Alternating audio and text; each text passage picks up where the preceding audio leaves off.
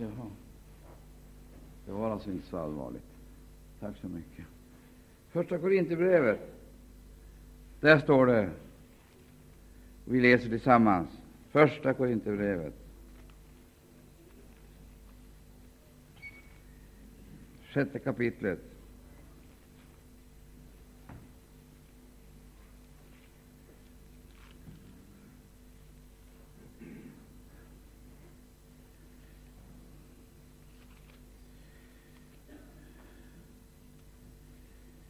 Ja, jag hoppas att ingen missuppfattar det här. Ni hörde väl att jag sa Andra Korinthierbrevet?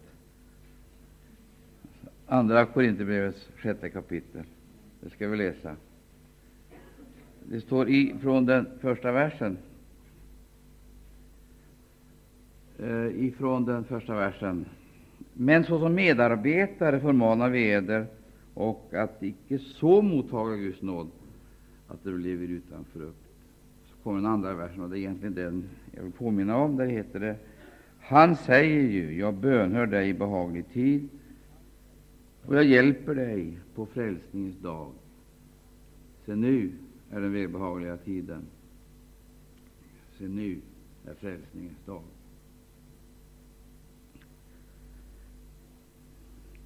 Är det någon här som inte vet vad dag är? I dag.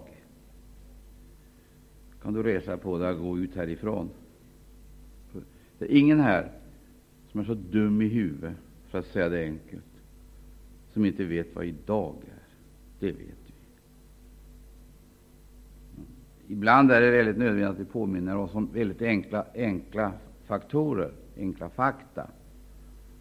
Alltså, vi har ett kunskapsmått, och det har vi ansvar för. Vi vet något om någon.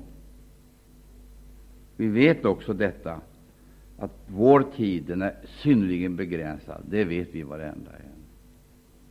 Vi vet också hur dygnet indelas, morgon, middag, afton, kväll och natt. Allt sammans det här känner vi till. Vi vet också att dagen den förvandlas till vecka. Det beror på att tiden går, den står inte stilla. Och så vet vi det att en dag är värdefull på det sättet att vi får den inte tillbaka. När dagen har gått är den slut. Då är den slut. Då är den förbi. Vi kan inte återkalla den. Vi kan ha minnen ifrån den. Vi kan definitivt inte återkalla den och så att säga göra en repris. Det kommer aldrig tillbaka. Det här är på ett sätt väldigt underbart, men det är också oerhört skakande. För det är ju självklart, det vet varenda en här, att det finns dagar som vi skulle önska att vi inte hade varit med om. För det hände saker och ting just den dagen som har satt sina djupa spår och givit sina tråkiga minnen. Och vi vill gärna så att säga bli fixerade vid en förfluten händelse. Vi tänker, o, oh, om den dagen så att säga icke hade varit. Det här är allmänt, generellt, det gäller alla. Alltså. Och då är det så kolossalt betydelsefullt att vi lyssnar på ord av den här karaktären. Ja. Jag ska läsa det en gång till. Det är så väldigt viktigt att vi lyssnar på ord av just den här karaktären, så att inte vi behöver drabbas av det här som jag nyss har talat om. Det står Jag bönhör dig i behaglig tid. Får jag se på det? Är det någon här som idag, just nu, idag, just nu har ett bönämne? Är det det? Ett allvarligt bönämne som du känner att du måste bära fram inför Gud? Det kan vara helt avgörande för din framtid vad som sker idag. Jag frågar, är det någon här som idag och nu har ett bönämne? Kan du försiktigtvis lyfta din hand?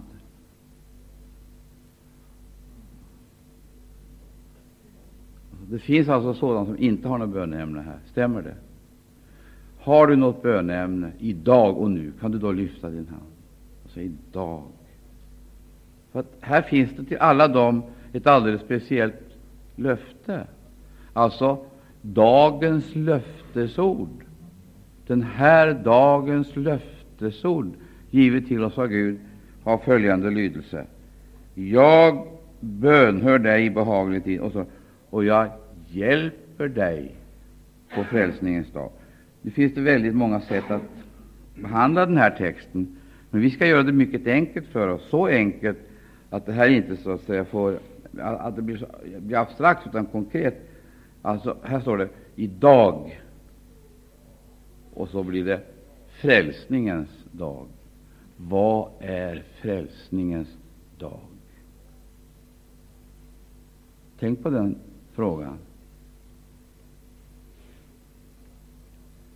För den skiljer sig så oerhört från alla andra dagar. Det finns en sorgens dag, en vedermödans dag, en frestelsens dag, en prövningens dag. Det är inte svårt att hitta på exempel eller plocka fram ur verkligheten ting som nästan vill gastkrama oss. Men tänk på det uttrycket frälsningens dag. Idag är frälsningens dag. Man skulle kunna säga så här att eh, ja, jag tror faktiskt att här ligger hela, här ligger hela, hela problemet på ett sätt. Alltså just att få klart för sig att Gud handlar i det nu som vi förfogar över. Det som vi har till vårt förfogande, sålunda. I det nu handlar Gud, vilket då innebär att han är redo att gripa in i alla tänkbara och otänkbara sammanhang. Och jag tänker på en sak speciellt ikväll. Det gör jag. Och det är ingen tillfällighet, tror jag. Jag tror att det ligger någonting ganska märkligt i luften, själva atmosfären. Så ligger det någonting av förundran. Och kanske jag ska säga så här också, vilket också är sanning. Det är inte bara en förundran, en förvåning, men eh, det ligger också något av eh, oro i luften. Det är ungefär som om eh, vi eh, har drabbats av någonting som vi inte haft möjlighet att, eh, att förbereda oss för, att kalkylera med. Vi har en känsla av att det är en nedåtgående trend, en nedåtgående rörelse som vi gärna skulle vilja bromsa upp, men inte lyckas med. Det gäller vårt liv, hela vårt sociala liv, där så många faktorer, uppenbarligen faktorer som vi tydligen inte har räknat så särskilt mycket med, visar sig påverka oss. Framför allt, ja, framför allt vårt sinne, vår, vår förmåga att eh, klara av och orka med. Orkar vi med så värst mycket mera av eh, rop, hungersrop? Orkar vi, med se, orkar vi med att se flera bilder på TV-skärmen av eh, mer döda än levande människor? Hungrande Orkar vi med? Jag har en känsla av att vi, vi, vi, har ingen, vi klarar inte av det. Vi orkar inte med längre. Så värsta av allt är att de ändå kunde hålla det på avstånd om vi kunde hålla det utanför gränserna. Men nu går det inte, för nu kommer skarorna vällande in över landets gränser. Och detta gör oss fruktansvärt plågade, för att vi vill ju gärna hjälpa alla de här människorna, men kan vi? Och hur långt sträcker sig vår förmåga? Och då är det väl bäst att eh, så att säga sluta sig eh, sluta sig och försöka hålla det på avstånd, inte ta del i det. Vad angår mig, de här flyktingarna, vad angår mig, de här invandrarna, vad angår mig, de här asylsökande, vad angår mig, deras barn, vad angår mig, det här. Ja, det är klart, en viss mån så gör det väl det. Det är frågan om medmänsklighet att dela med sig och försöka göra det man anser sig kunna. Men vi klarar inte av det längre. Vi vidtar olika åtgärder, och vi vet inte ska vi säga ja till det här eller nej. Ska vi ta avstånd ifrån den här politiken, flyktingpolitiken, eller ska vi eh, eh, eh, eller vad ska vi göra för någonting? För oberoende av vad vi gör så är vi solidariska. Är vi solidariskt ansvariga? Vi är solidariskt ansvariga oberoende av vad vi gör. Om vi är passiva och nöjer oss med åskådarens roll, så är vi ansvariga. Och hur långt sträcker sig det ansvaret? Jag ser på mig, ska jag säga det rent ut, det sträcker sig ända till döden. Och, och det här är väldigt, det här är oerhört. Jag säger det här med en oerhörd känsla av, ehm, eh, av begränsning, hjälplöshet och eh, eh, vanmakt.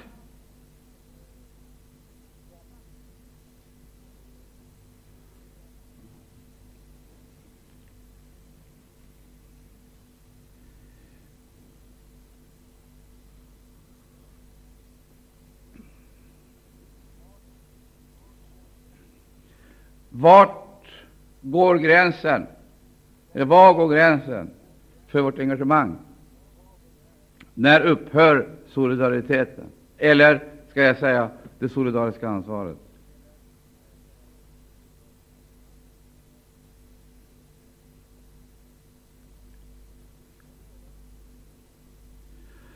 Och den frågan den skulle jag vilja ha behandlad för att få inre vishet och klarhet, så att man inte engagerar sig i saker eh, som kan se väldigt viktiga ut, men som inte är så viktiga, och därmed sliter ut sig på mer eller mindre ofruktbara insatser, utan får verkligen göra det som är viktigt och angeläget, och göra det på rätt sätt, i rätt tid.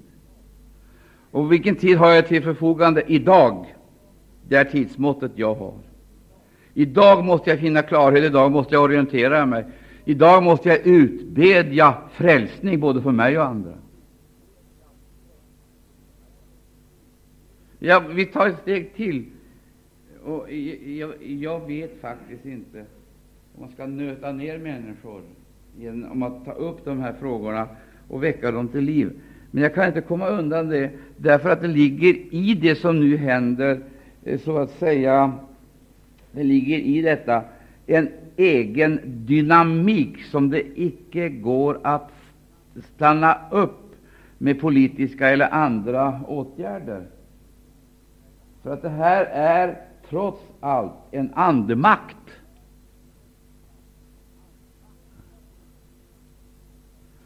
Jag nöjer mig med att konstatera det. Det går inte att bromsa upp det. Nu har vi tänkt oss att nu ska vi försöka reducera antalet invandrare genom olika politiska åtgärder. Regeringen vidtar åtgärder och riksdagen fattar beslut som på ett eller annat sätt alltså ska stänga gränserna eller i varje fall skärpa lagstiftningen. Och vi vet som kristna vad Bibeln säger om frälsningen och vad Bibeln säger om främlingen och hur man ska ta hand om främlingen. Det känner vi till. Jag lämnar det där just nu, men jag vill komma till nästa fråga, och det är den här. Det som i dag är ett erbjudande till oss, det blir imorgon ett hot. Det som vi nu har fått smaka på relativt, eh, eh relativt eh, eh, ja,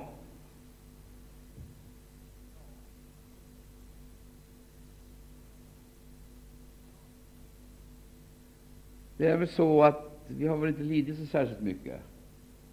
Inte är det väl någon här som kan resa upp och säga idag fick jag ingen mat därför att flyktingen tog den. Eller eh, nu har de tagit ifrån mig mitt arbete.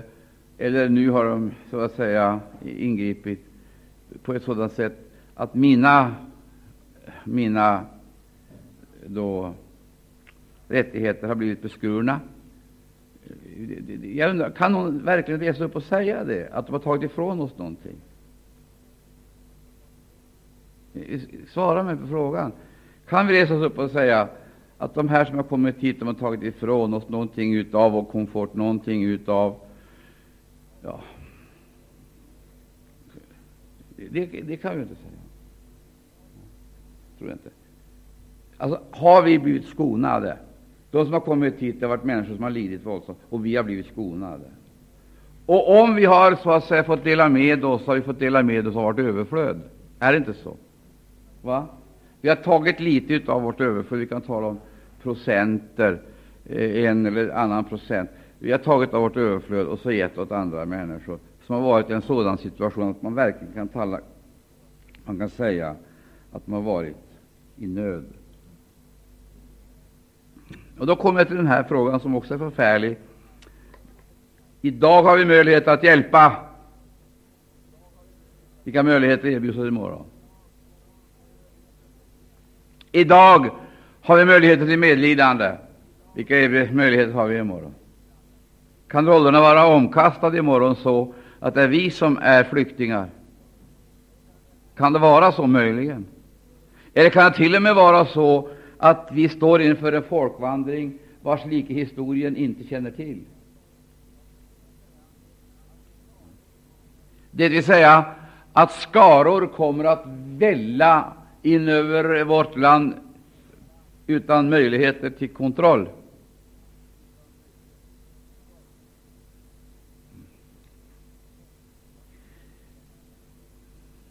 Ja, jag säger det här därför att jag hör en signal som är så oroväckande. Det är så fruktansvärt plågsam. När människorna kommer i livsfarliga farkoster över haven, över Östersjön, i vinterkylan och i stormen och söker sig till eh, våra eh, gränser, då är det olustigt. Och vi måste göra någonting för att möta den situationen. Och det, första vi, det första vi tänker oss då det är att eh, vi måste förstärka tullen. Vi måste förstärka polisen. Vi måste förstärka, eh, skärpa våra regler. Men vad jag efterlyser och frågar efter här och överallt, det är barmhärtigheten. Var finns den? När vi diskuterar och behandlar och, och, och, och så vidare på olika sätt agerar Eh, hela tiden med tanke på vår egen situation och vi sätter våra egna behov i centrum. Jag måste fråga, var finns barmhärtigheten? Uh, idag har vi möjlighet att bevisa barmhärtighet. Vilken möjlighet har vi imorgon? Och vad händer om vi inte bevisar denna barmhärtighet idag? Vad händer då?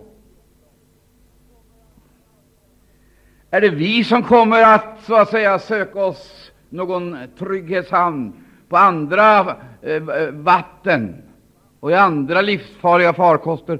Är det våra små barn eh, som kommer att få dela ödet av att icke äga så att säga ett hem, ett hemland, ett fosterland?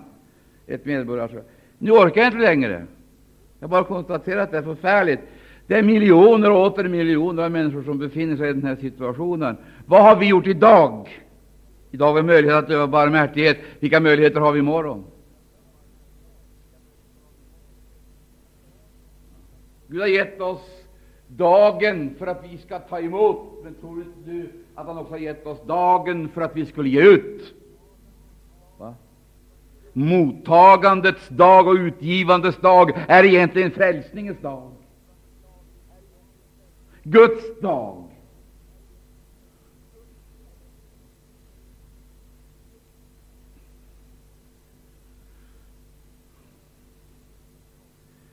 Och jag eh, ska avsluta. Hela det problemet får en helt annan dimension när man upptäcker att det här är inte eh, lokalt eller nationellt betingat, utan det är eh, internationellt och universellt. Nu säger vår regering nu måste vi sätta stopp. Man sätter stopp.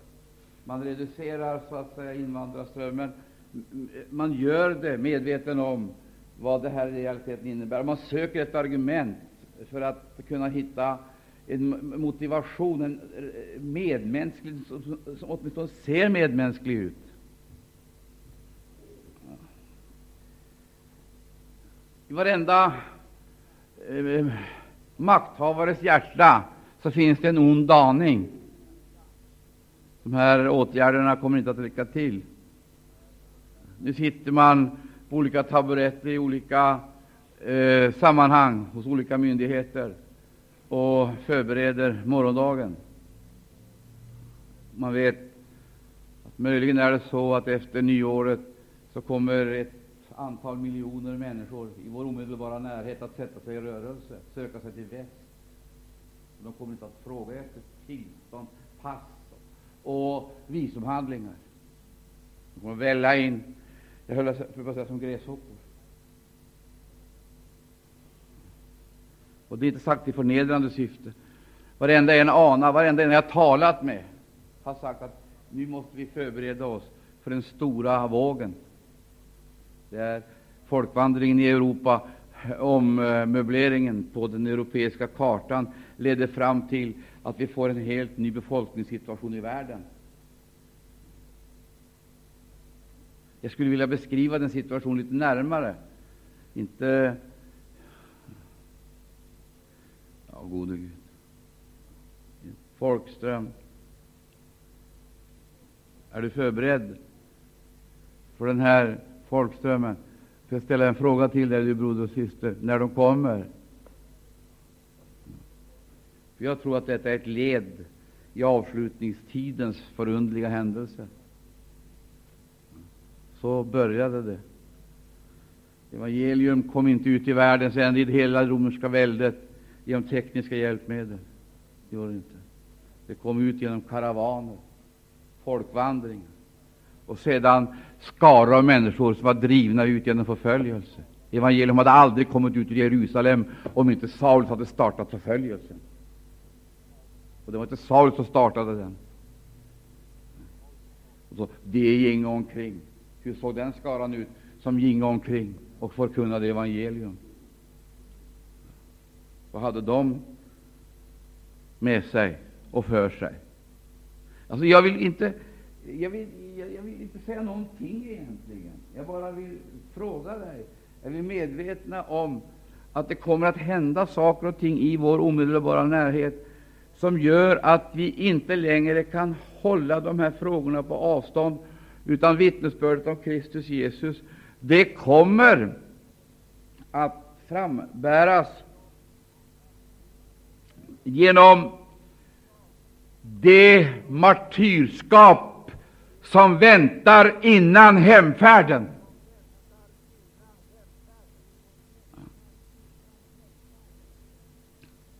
Varför jag säger det, det är därför att hur blir det då? Ja, nu får vi redovisa de invandrare vi har, och vi gör det på papper dagligen. Så skriver vi in och vi, vi skriver ut, och vi, vi kontrollerar och så vidare.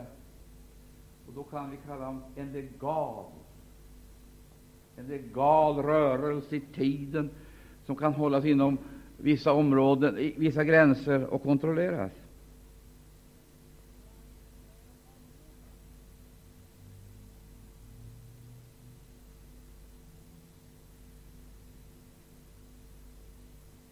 Sett ur den situation som jag nu tänker mig, eller ser framför mig, så är det en idyll trots allt. Vi skriver in och vi skriver ut. Vi har kontroll på barnen, vi har kontroll eh, på de vuxna. De får ligga här och de får ligga där. Vi kan flytta dem om från plats till plats.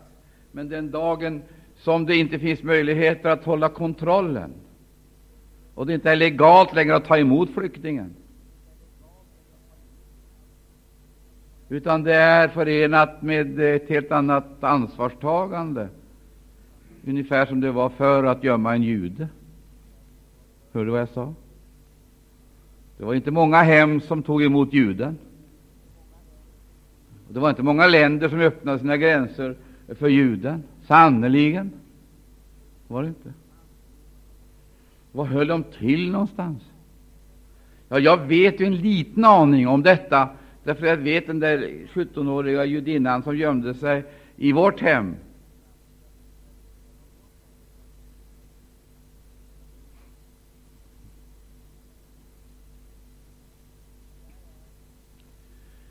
Och det där är på sitt sätt en eh, illustration till vad vi kommer att möta.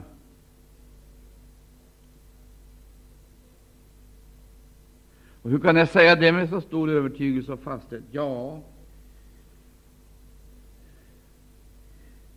jag tycker jag ser det här i eh, den här boken. Och jag är medveten om att jag har svårt att tala om det. Hur ska, vad ska de hungrande skarorna göra när det inte finns någonting att äta och när det inte finns någon värme? De har också sina känslor, sina förhoppningar. Vad ska de göra med sina barn när de ser den verklighet? Ja, hur skulle du göra?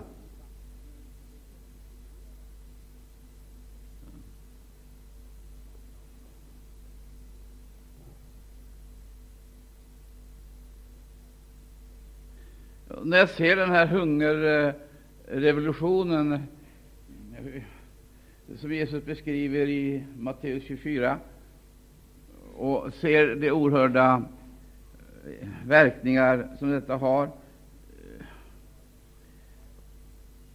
på hela mänskligheten, så förstår jag att det är liksom ingen som kommer undan, har chansen att rädda sig undan. Det finns liksom ingen eh, fristad där man kan komma undan. Det är som om hela världen vore ockuperad av ondska, och denna ondska den eh, synliggör sig därigenom att människor i allt större utsträckning och på ett mycket eh, förödande sätt saknar livets nödtorft. Jag vet inte hur jag skall uttrycka det. Jag saknar ord. Men nu och då så ber jag så här till Herren, Gud i himlen. Du vet vad framtiden ska bära sköta. Vi vet inte. Men jag ber dig, Jesus, som ynnesten att få vara med och tjäna dig. Därför så ropar jag att höj beredskapen hos oss. Den beredskap som är nödvändig för att kunna möta det här behovet. Hur blir det på Bällsta? Hur blir det på Lattorp? Hur blir det i Oslo? När kanske skarorna står utanför, i kö utanför våra dörrar. Och vi, har, vi har inte rätt att ta in dem, ta emot dem. Vi har inte rätt att ge dem mat. Vi har inte rätt att ge dem bostad, vi har inte rätt att ge dem kläder. Alltså, vi har inte rätt att öva barmhärtighet.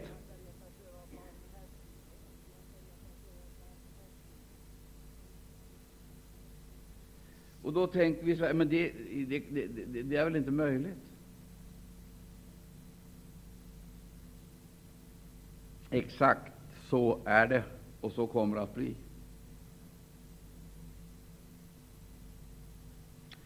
Vi inte fantisera om det här. Men vad jag är på jakt efter, det är den motivation som måste finnas hos varje kristen. Idag verkar Gud, och det är förenat med stora svårigheter och problem att genomföra hans gärningar. Men människor gör det. De tar martyriet, lyder Gud och gör som han säger, därför att de har fått så att säga, en kallelse, de har fått en medvetenhet och de har fått en utrustning som är unik till sin karaktär, och därför gör de det Gud vill de ska göra.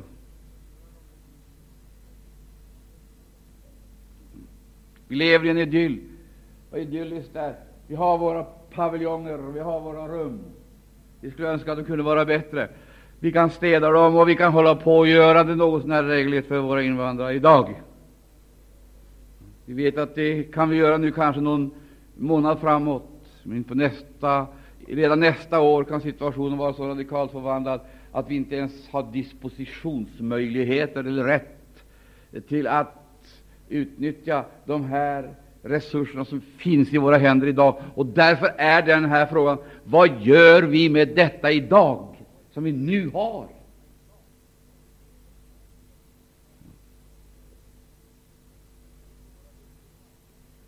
Hur ska vi få våra ungdomar, våra unga vänner att inse att det är inte självklart med eh, ordnade förhållanden. Det är, inte, det är inte självklart med skolgång och undervisning i skolböcker. Och det är inte självklart med, värm, med uppvärmda hus. Det är inte självklart med en god säng. Det är inte självklart. Det är inte självklart. Det är faktiskt, jag vill faktiskt säga att det är nådegåvor som Gud har gett oss. Men frågan är hur använder vi dessa nådegåvor?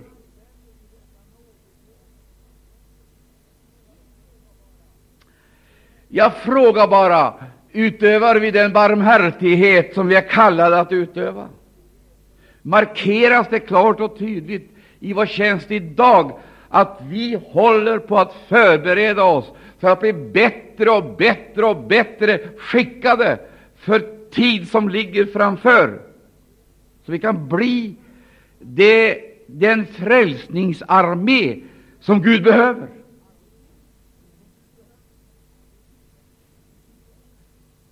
Det är inte lätt att kleda det här i ord, därför att vi sitter här i den lokalen och tycker att vi har det rätt bra och sitta och försöka sätta in i den situationen att det här kan förändras radikalt på kort tid. Ja, men det har vi ju sett!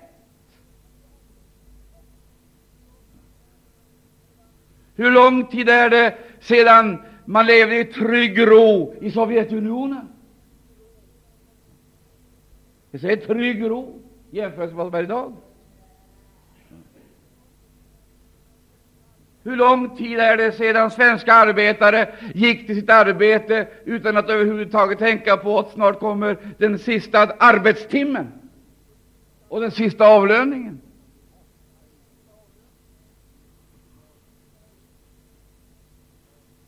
Hur länge sedan är det att eh, kapitalägarna i vårt land tänkte, eh, drömde eller anade, tänkte att eh, de skulle förlora miljarder. Vem tänkte på det? Vad jag vill säga, varenda kategori är ju drabbad, mer eller mindre. Vi har kommit ner på en annan nivå än vi var tidigare. Och igår så var det en som sa det sjunker ända ner i depression. Och vad gör vi när depressionen kommer? Vi är i varje fall mentalt och andligt sett väldigt dåligt förberedda. Vi läser våra tabeller och kan utläsa att så som många kommer att förlora arbetet inom några månader. Så som många måste lämna sina eh, villor, så som många måste lämna eh, så att säga vad de äger. Vi vet ju det.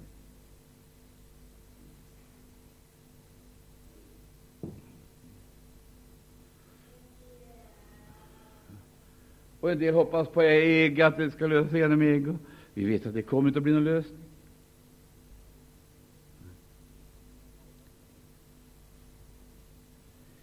Med andra ord så har vi aldrig någon gång i hela vår historia varit så hotade som vi är idag.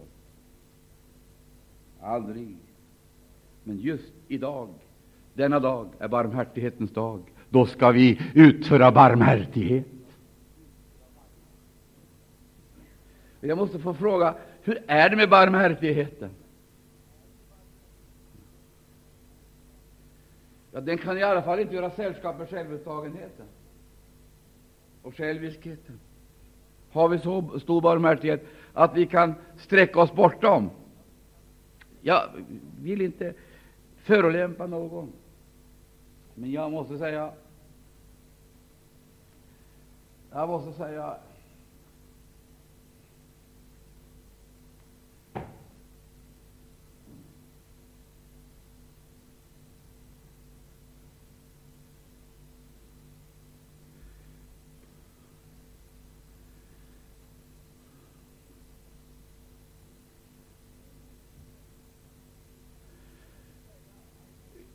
Jag måste säga att jag tror faktiskt att nöden kan bli lindrigare om vi eh, använder dagen som Gud har gett oss för att öva barmhärtighet. Det tror jag. Barmhärtighet i nåd, barmhärtighet Att vi hittar zonerna, fälten, områdena där Gud kan använda oss. Hur det ska ske vet jag inte, men Gud Jag förmodar att Gud vet det.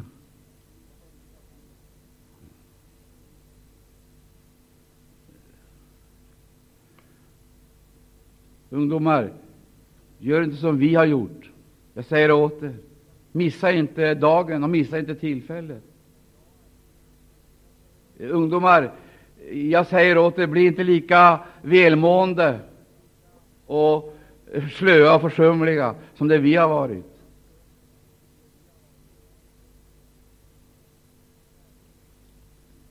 Ta lärdom. Jag säger det igen, ta lärdom. Och varför säger jag det? Därför att det kommer så snabbt. Det här har man sett liksom i ett profetiskt perspektiv. Och man har anat att det här kan väl komma i nästa generation. Och helt plötsligt så är situationen så radikal som det, vinterknäppen som kom här utan att vi visste någonting. Så blev vi helt överraskade utav kylan som helt plötsligt kom ett antal månader för tidigt. Eller i varje fall ett antal veckor för tidigt. Nu ligger den där, och vi upplever att hela eh, vårt eh, område är i, i, i, ett järngrepp. Kallt, halt, hotfullt. Ökade kostnader, mer olja, mer ved. Hur länge har vi det?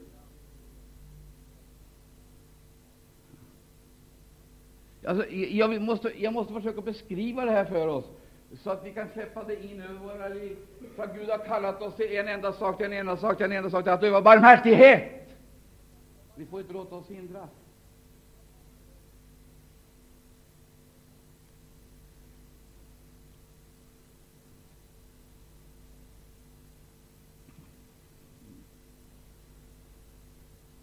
Ja, hur ska det ske? Hur ska det genomföras?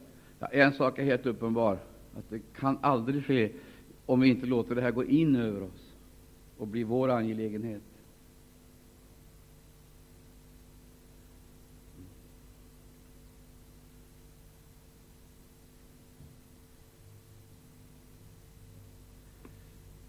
Ja,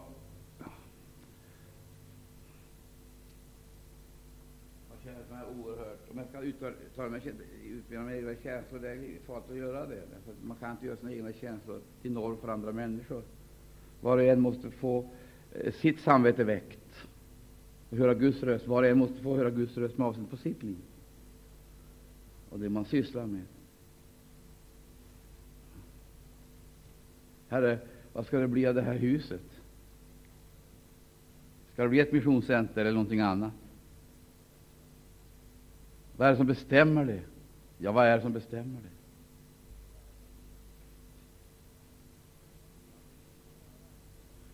det? Eh, kan vi hålla värmen? Inte den fysiska, den är viktig, men kan vi hålla den andra temperaturen?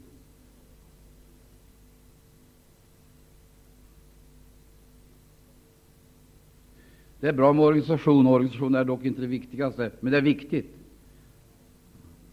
Vad som är viktigt det är ju brinnande hjärtan, människor som är motiverade och människor som upplever att de här människorna som man knappt inte kan nå, inte kan nå så att säga, på, vanligt sätt genom man inte kan kommunicera med språket. De tar emot intrycken. Ja, det här låter kanske lite löjligt, men det är faktiskt fortfarande på det viset att människor, eh, eh, människor eh, ser ansiktet ögonen, känner utstrålningen. Blicken är nedadvänd eller uppåtvänd. Om den representerar misstänksamhet eller öppenhet. Om den eh, representerar hämnd eller barmhärtighet. När du möter en människa så är du inte neutral. Det är inte neutral. Det finns vibrationer som andra upptäcker. Värmevågor eller kyla.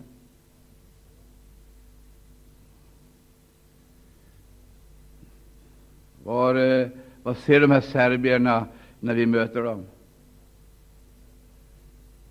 De här eh, albanierna. Vi säger vi kan inte kommunicera, det är ju rätt, men det är ju inte sant egentligen, för utstrålningen, den kan man sannerligen inte, så att säga, bortse ifrån.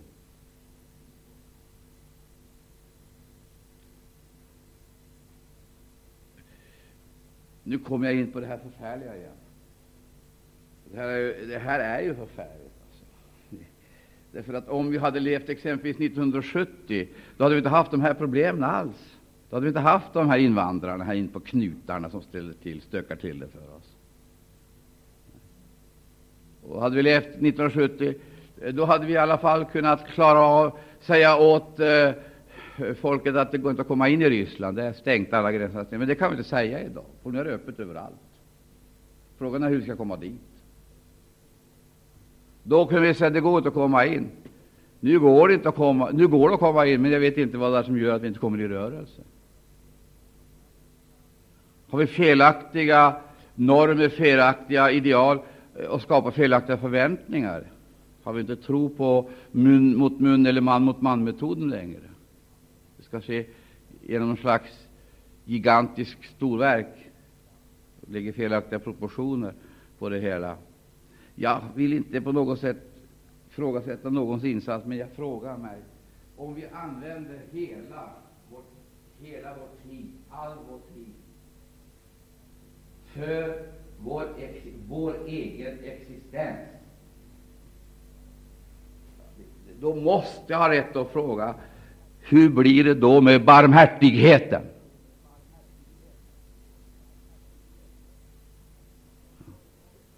Om vi från morgon till kväll är upptagna med våra egna behov. Och ska regda vår egen ekonomi, vilket inte är oviktigt, eller överleva.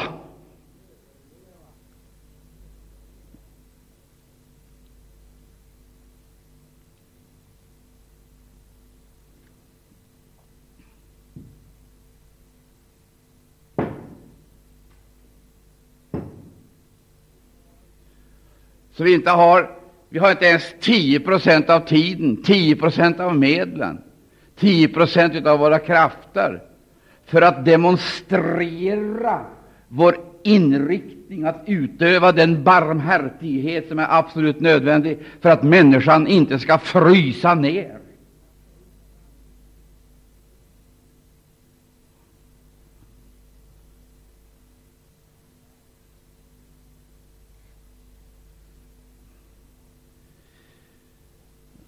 Jag är helt medveten om att det finns andra teman att ta upp, som är behagligare och mer uppbyggliga. Men jag kommer inte förbi den här otäcka känslan som jag bär inom mig.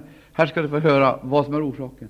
Dagligen så möter jag här nere i receptionen ett antal barn.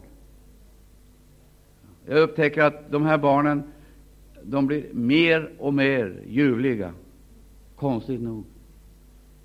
De, de, de, de är så otroligt underbara. Inte därför att de är några änglalika varelser, men det är därför att jag hade en uppfattning om dem att de skulle vara synnerligen mycket annorlunda och representera en slags primitivism, alltså långt under vår nivå. Så visar det sig det att de i sin okunnighet är mycket mer bildade än vad vi är. Jag ska ta ett konkret exempel, men mycket mer bildade än vad vi är. Jag har blivit så gripen när jag sett de här barnen komma exempelvis med eh, sina, vad kallas det, kallas det pingpong? Är pingpong? När de slår den här lilla bollen. Va? Va, pingpong? Ja, året. Det är alltså två för samma sak. Jag, jag, jag blir gripen till tårar när jag sett de här barnen komma till receptionen och lämnar ifrån sig pingpongbrädorna, eller vad det kallas, och bollen. Ursäkta mig, det är inte svenska barn som gör så, för de kräver och får. De skulle aldrig gå och fråga om de kunde få låna och sen lämna tillbaka.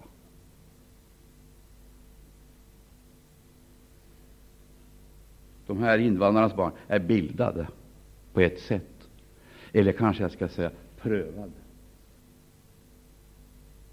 är väldigt viktigt att vi skaffar oss rätta förebilder. Och när jag sett de här barnen så har jag sagt, men gode Gud, det här, det här är ju framtiden. Och så har jag sagt, Gud, vad får de med sig härifrån? Ja, vi har ju stoppat mat i munnen på dem i alla fall. Ja, och så har de fått någonstans att bo. Jag hoppas det ska vara ett gott minne för dem. Men barmhärtigheten, har den trängt djupare ned än till ett yttre välbefinnande? Har de fått med någonting annat som kan ge dem en eh, signal om, eller en eh, ljusstråle om att eh, Gud älskar främlingar och flyktingar. Även om de känner sig mobbade och utfrysta och hemlösa, så är de älskade av Gud. Har vi förmått demonstrera den kärleken? Jag har inte förmått det. Jag skäms. Jag skäms i den milda grad. Så jag eh, frågar mig, har vi överhuvudtaget rätt att gå upp och predika budskapet? När vi kan umgås på så oengagerat sätt med de här människorna som Gud har skickat till oss och gjort att vi har missionsfältet närmre än en, än hundra meter.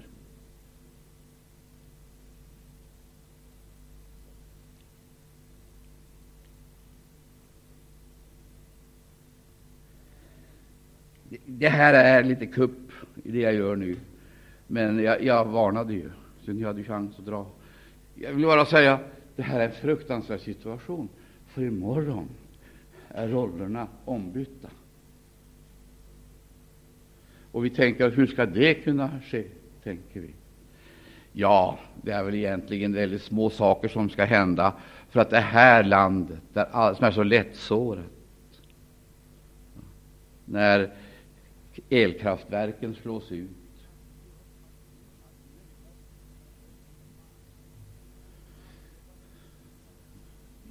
Ja, men här är det väl ingen risk för jordbävningar? Nej, men det räckte ju till med lite snö nu, så var det några tusen som drabbades.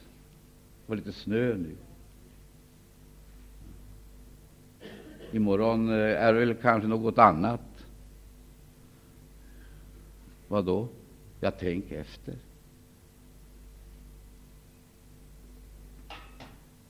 Vad gör du när maten inte kan ätas på grund av radioaktiviteten? Vad gör du då? Jag kan inte när du inte kan plocka bären i skogen, äta frukten från träden, inte kan hämta upp fisken ur vattnet, eller äta köttet ifrån djuren som du har, eller som vi har, som vi har vårdat oss om.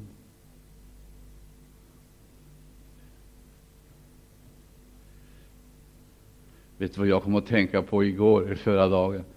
Jag säger det trots att det är fruktansvärt förödmjukande att säga det. Men sanningen är ju den, om vi gjorde oss av med alla våra hundar, så skulle ju miljontals barn få mat.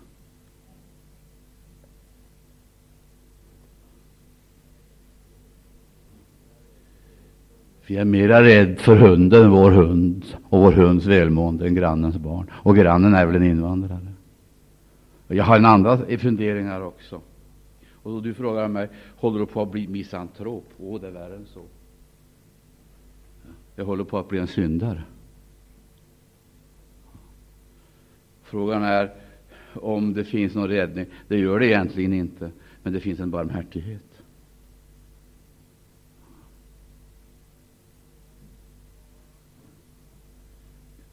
Jag, jag blev faktiskt ställd. Jag blev faktiskt ställd.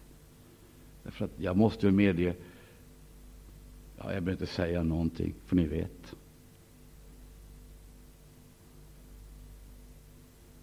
Jag matar hunden morgon, middag och kväll och försöker dressera och fostra. Och eh, jag blir mer och mer bunden vid denna fyrbenta varelse. I och för sig är det inget onaturligt, men det är onaturligt när den hunden får mer uppmärksamhet än grannens barn. Kanske det till och med kan vara så att den hunden äter upp maten för ett antal småbarn. Hur ska man göra åt det? Måste ta bort det som hindrar oss att öva barmhärtighet.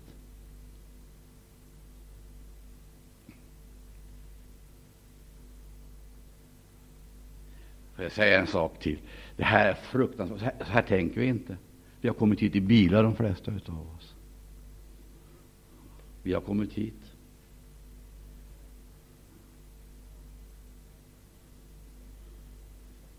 Utan olyckor har vi kommit hit.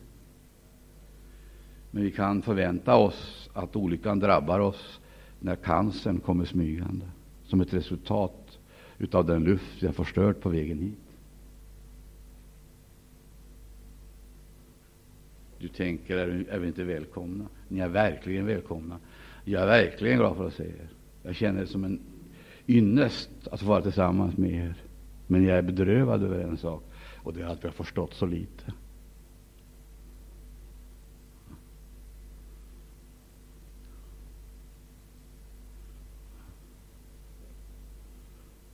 Vi har förstått så fruktansvärt lite. Vi har talat om frälsning och vi har talat om väckelse utan att vi överhuvudtaget har bemödat oss om att analysera eller definiera begreppen. Jag skulle vilja ställa så här, vad väntar Gud av oss? Det är väl inte i alla fall att vi ska vara giftspridare, det väntar han väl inte?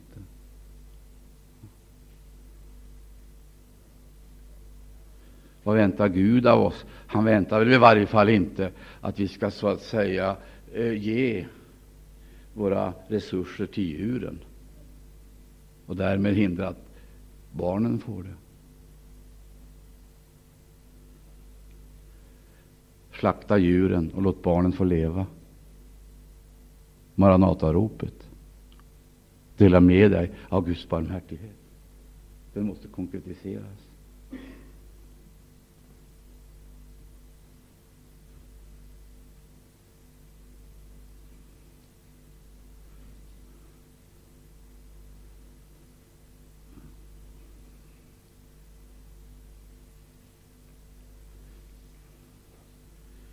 Jag tittar på burken. Hundmat 28 kronor. Var 28 kronor det. Du, det blir mycket på ett år. Det blir mat till ganska många barn på ett år. Jag skäms att jag inte har tänkt på det.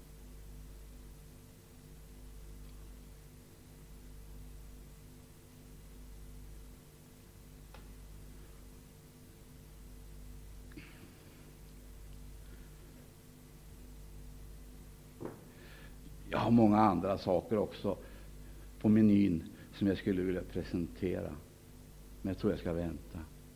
Vad det hela handlar om, det är ingenting annat än att ge rum för barmhärtighet. Och denna barmhärtighet får inte bli fraser, utan det måste konkretiseras i åtgärder. Och detta har vi idag till förfogande att göra. det. Imorgon vet vi ingenting om.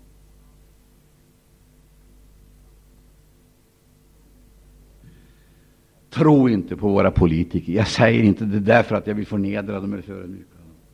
Men de vet ingenting. De har inget profetiskt perspektiv. Tro inte på våra ekonomer. De vet ingenting.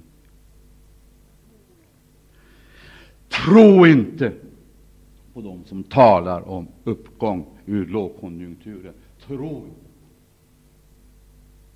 De vill så väl, men vet inte. För oss har Gud uppenbarat verkligheten. Varje tidestund.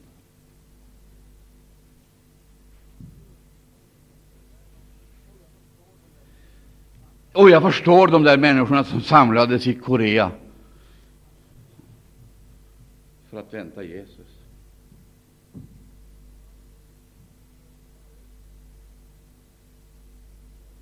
Jag skulle kommit igår klockan 16 lokal tid. Jag förstår dem. De är besvikna. Besvikna. De hittade inte De hittade inte fram i den religiösa djungeln. Så greps de av detta heliga vansinnet och upplevde att någonting måste de göra. De demonstrerade, så att säga, beredskap. Så samlades de för att vänta honom. Vi kanske måste göra någonting där uppe. Mina älskade vänner, ja, till sist, ja, ja, det här är en kupp, jag är medveten om det. Men låt mig få säga det här. Idag har vi de här barnen hos oss. Idag har vi de här främlingarna hos oss. Kan vi inte tillsammans komma överens att vi ska visa barmhärtighet? Hur ska vi göra det? Jag tror att var och en måste finna sin melodi.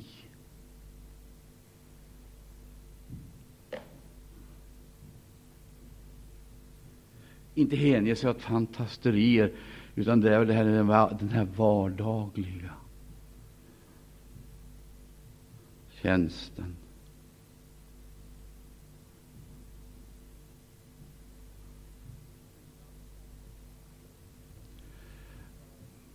Om jag nu får uttala ett önskemål Jag skulle önska att det här gick in i allas våra hjärtan.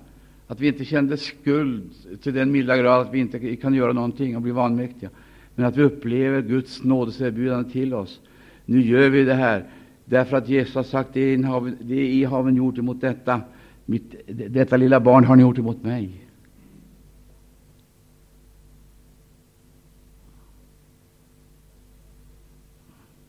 Så vill jag säga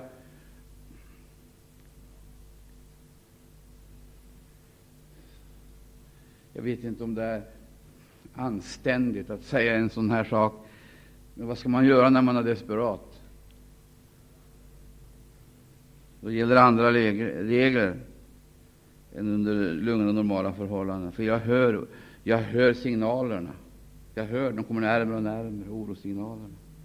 Rapporterna från Östersjön, rapporterna från Irak, rapporterna från Nordsjön, rapporterna från eh, Nordkalotten. Rapporterna eh, från eh, Mellersta Östern talar ett och samma tydliga språk. Det är oroväckande.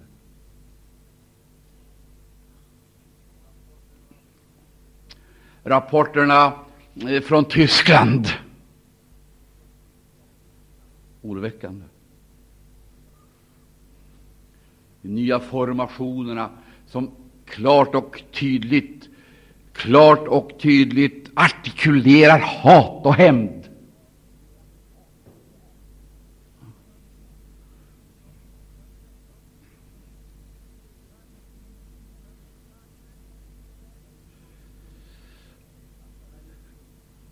Skatta dig lycklig, unge vän.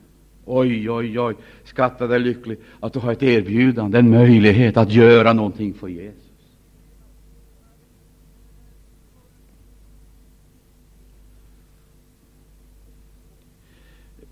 Förlåt mig när jag talar ut som jag gör ikväll i mitt hjärta. Jag blev så fruktansvärt deprimerad igår när jag var samlad här.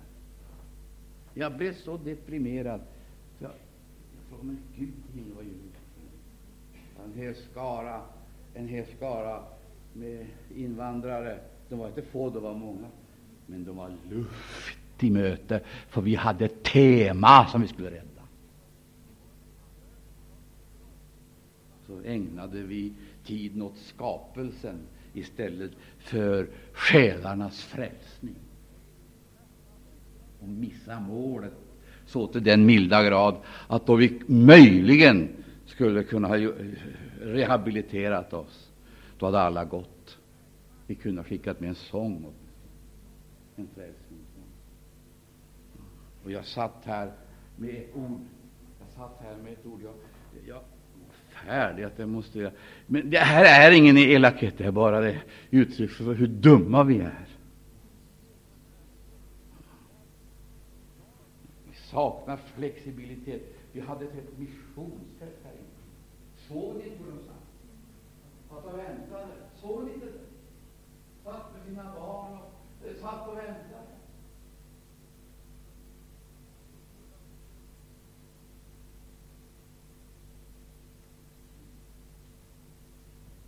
Oj, oj, oj. oj, oj, oj. Om vi inte kunde ha sagt någonting där, vi, vi kunde inte språket, vi kunde väl ha sagt Jesus ett antal gånger. Och så stavar Jesus. Säger man det på Va? Vi kunde ha sagt det fem gånger. Och så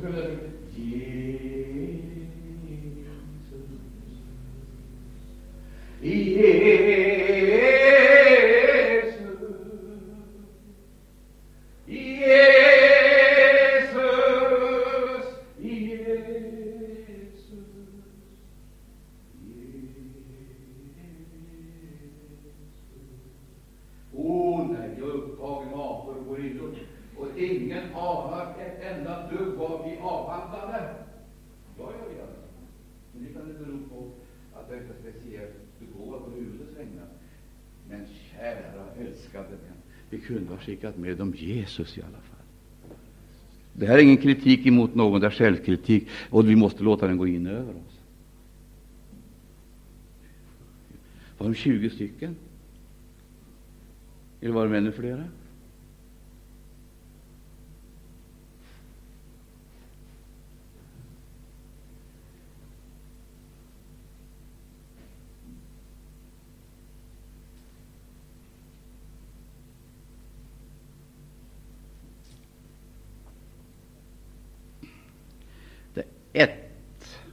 Exempel på hur fixerade vi är, oförmögna att vidga våra hjärtan och vara flexibla.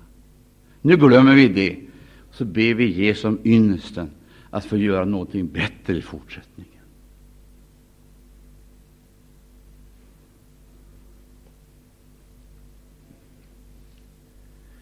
Mina vänner, jag har gjort en kupp ikväll. Vad den leder till för resultat vet jag inte. Mitt hopp är att vi ska bli vakna, nyvakna. Att vi ska bli enfaldiga, så enfaldiga att vi börjar tillämpa trons egna principer. Att så vi alla vatten och så med tårar för att i sinom tid bärga in skörden.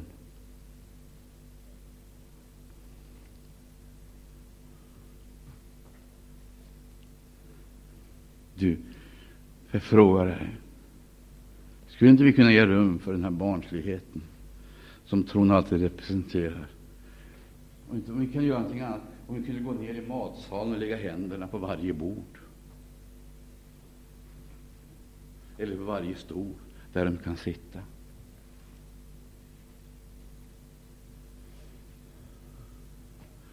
Jag vet inte om det här är riktigt klokt, men vad är klokt i det här sammanhanget?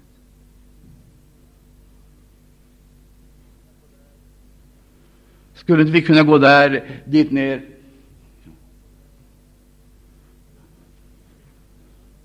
Och hälsa eller Inga överdrifter eller någonting av märkvärdigheter, men det som är ett naturligt uttryck. För att möjligen öppna en kontakt eller möjlighet till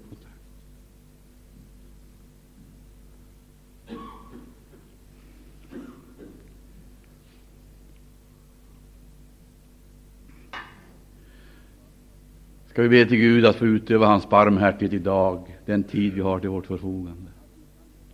Ska vi be till Gud att vi kan demonstrera den frälsning som han vill ge. Idag är frälsningens dag, det är vår tid, det är vårt tillfälle, våra möjligheter. Gud ville, tror du det?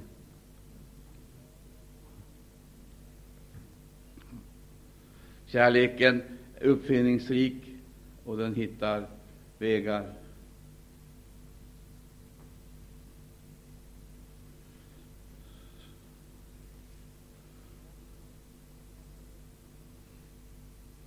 Herre, förlåt oss. Herre,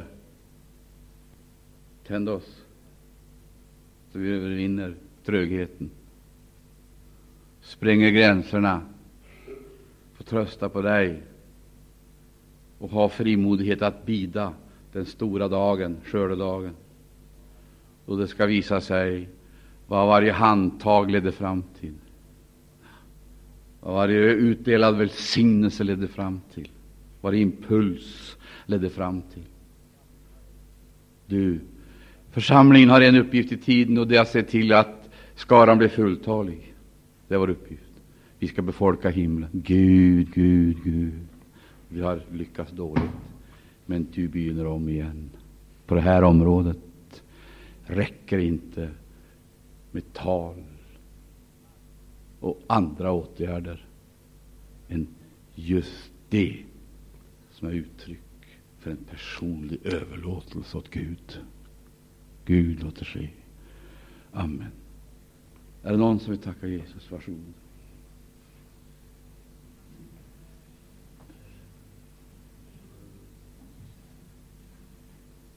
förmodligen att vara utanför. Men vi kommer att vara med om en oerhört märklig Eh, utveckling.